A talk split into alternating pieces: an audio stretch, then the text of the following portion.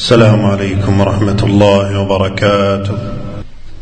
إن الحمد لله نحمده ونستعينه ونستغفره ونعوذ بالله من شرور أنفسنا وسيئات أعمالنا. من يهده الله فلا مضل له ومن يضلل فلا هادي له. وأشهد أن لا إله إلا الله وحده لا شريك له. وأشهد أن محمدا عبده ورسوله أما بعد فإن أصدق الحديث كلام الله وخير الهدي هدي محمد صلى الله عليه وسلم وشر الأمور محدثاتها وكل محدثة بدعة وكل بدعة ضلالة وكل ضلالة في النار أما بعد. عباد الله ما قولكم في رجل ينازع الله فيما اختص به من علم الغيب. وما رأيكم في من يستعين بالجن والشياطين؟ وهل تخدم الشياطين رجلا صالحا؟ هل نصدق من هذا حاله؟ أم الواجب تكذيبه؟ هل ننشر خبره؟ أم الواجب إهماله والتحذير منه؟ إنهم يا عباد الله الكهان وهم للأسف موجودون في مجتمعاتنا بصور شتى وأشكال مختلفة. لقد دلت النصوص الكثيرة على أن الغيب لا يعلمه إلا الله.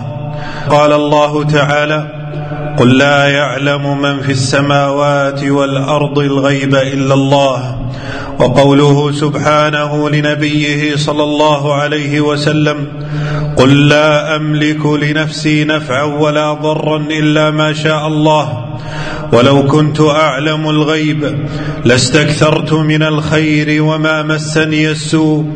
إن أنا إلا نذير وبشير لقوم يؤمنون. فالغيب مما اختص الله بعلمه. كما قال تعالى وعنده مفاتح الغيب لا يعلمها إلا هو.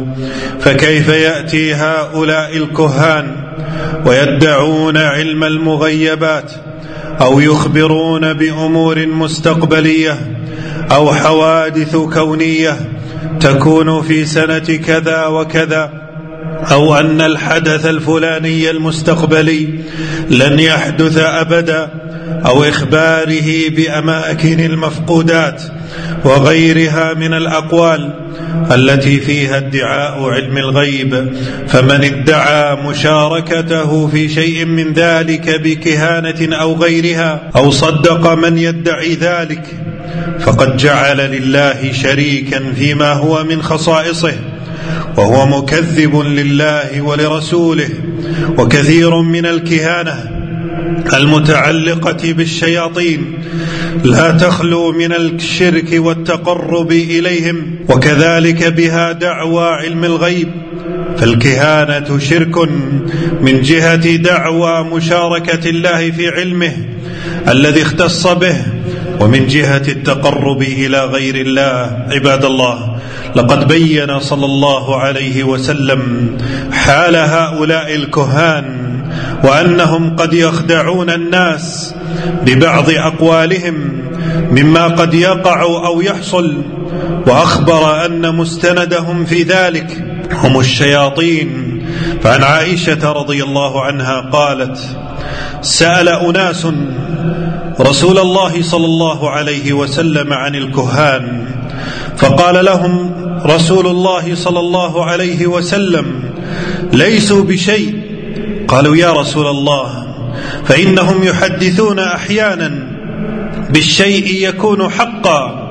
فقال رسول الله صلى الله عليه وسلم تلك الكلمة من الحق يخطفها الجني فيقرها في أذن وليه قر الدجاجة فيخلطون فيها أكثر من مائه كذبة.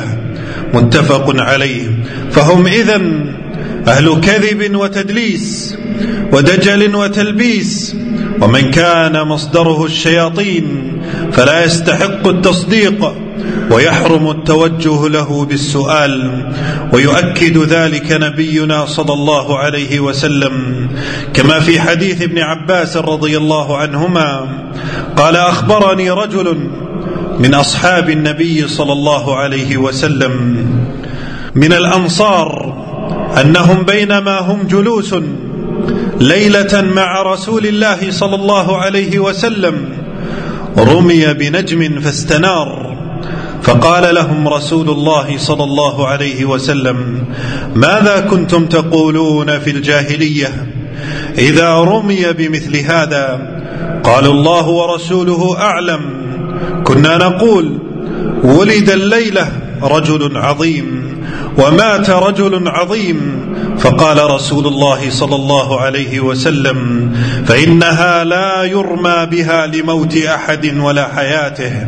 ولكن ربنا تبارك وتعالى اسمه إذا قضى أمرا سبح حملة العرش ثم سبح أهل السماء الذين يلونهم حتى يبلغ التسبيح أهل هذه السماء الدنيا. ثم قال الذين يلون حملة العرش لحملة العرش ماذا قال ربكم؟ فيخبرونهم ماذا قال؟ قال فيستخبر بعض أهل السماوات بعضا حتى يبلغ الخبر هذه السماء الدنيا فتخطف الجن السمع فيقذفون إلى أوليائهم ويرمون به فما جاءوا به على وجهه. فهو حق ولكنهم يقرفون فيه ويزيدون رواه مسلم. عباد الله الكهانة كفر بالله ومصدقه على خطر عظيم وسائله ولو لم يصدقه إثمه جسيم. عن عمران بن حسين رضي الله عنه قال قال رسول الله صلى الله عليه وسلم ليس منا من تطير أو تطير له أو تكهن أو تكهن له أو سحر أو سحر له. ومن أتى كاهنا فصدقه بما يقول فقد كفر بما أنزل على محمد. وبعض الناس يسألهم ليجربهم أو للتسلية فاسمع يا عبد الله وعيده. عن صفية عن بعض أزواج النبي صلى الله عليه وسلم.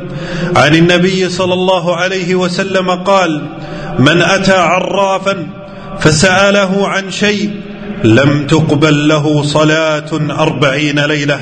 رواه مسلم. فاحذروهم عباد الله أشد الحذر. أقول ما تسمعون وأستغفر الله العظيم لي ولكم من كل ذنب فاستغفروه. إنه هو الغفور الرحيم. الحمد لله والصلاة والسلام على رسول الله وعلى آله وصحبه ومن اتبع هداه. أما بعد فأوصيكم عباد الله ونفسي بتقوى الله فمن اتقى الله وقاه ونصره وكفاه. عباد الله يجب على المسلم أن يجتهد في حماية عقيدته وتوحيده من جميع ما ينقصه أو ينقضه وهو راع ومسؤول عن رعيته فعليه أن يحذر من هؤلاء الكهان والعرافين ويمنع أهله ونساءه من الذهاب إليهم وللأسف يخدعون الناس بلباس الراقي القارئ بالقرآن أو المعالج بالأعشاب أو بالعلوم الزائفة كعلوم الطاقة وغيرها. ونحن نسمع بين الحين والآخر عنهم ويظهرون في القنوات ووسائل التواصل فكم من راق وهو في حقيقة أمره يتعامل مع الجن أو يقول لي قرين مسلم يساعدني وهو في حقيقة أمره كاهن ساحر دجال وكم من معالج أو معالجة ممن يجعلون العلاج بالأعشاب ستارا للكهانة أو الإخبار بالمستقبلات أو المغيبات وهو كذلك كاهن كذاب فالحذر كل الحذر من هؤلاء السلامه لا يعدلها شيء وعلى العبد أن يعلم أن ما حرمه الله لا يكون أبدا فيه الشفاء بل فيه الشقاء في الدنيا والآخرة. وعلى المسلم أن يتوكل على الله ويلتجئ إليه في جميع أمره فالأمر بيد الله والخلق إليه الذي خلقني فهو يهدين والذي هو يطعمني ويسقين وإذا مرضت فهو يشفين والذي يميتني ثم يحيين. فمن توكل على الله حق التوكل وبذل الأسباب المشروعة أو المجربة مما لا يكون فيها ما يخالف الشرع. من كان هذا حاله أعانه الله ووفقه. ولله غيب السماوات والأرض وإليه يرجع الأمر كله. فاعبده وتوكل عليه. وما ربك بغافل عما تعملون.